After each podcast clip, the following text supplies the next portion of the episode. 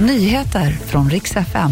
Det ska handla om en storm som är på väg in över Sverige och Folkhälsomyndigheten säger att det är helt okej okay att gå och jobba fast du har huvudvärk eller lite snuva. Har du ont i halsen, hosta eller huvudvärk? Ja, då kan du gå till jobbet ändå, säger Folkhälsomyndigheten idag.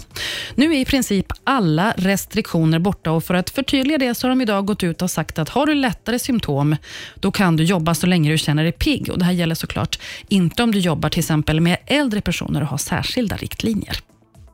Så har vi en storm på väg. Till helgen väntas stormen Otto.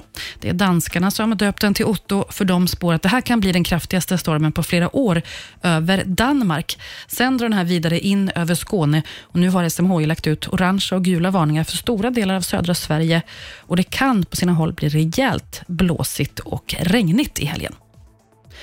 Kungen Carl XVI Gustav är ute på jubileumsresa. Idag är han i Jönköping. Sen ska han hem och förbereda sig inför sin hjärtoperation på måndag. Han har som sagt en planerad titthålsoperation.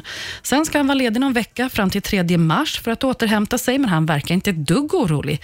När TT frågar hur det känns med ingreppet svarar kungen, det här känns toppen, hur spännande som helst. Lite otydligt kanske hur ironisk han var. Det var i alla fall nyheterna. Jag heter Maria Granström.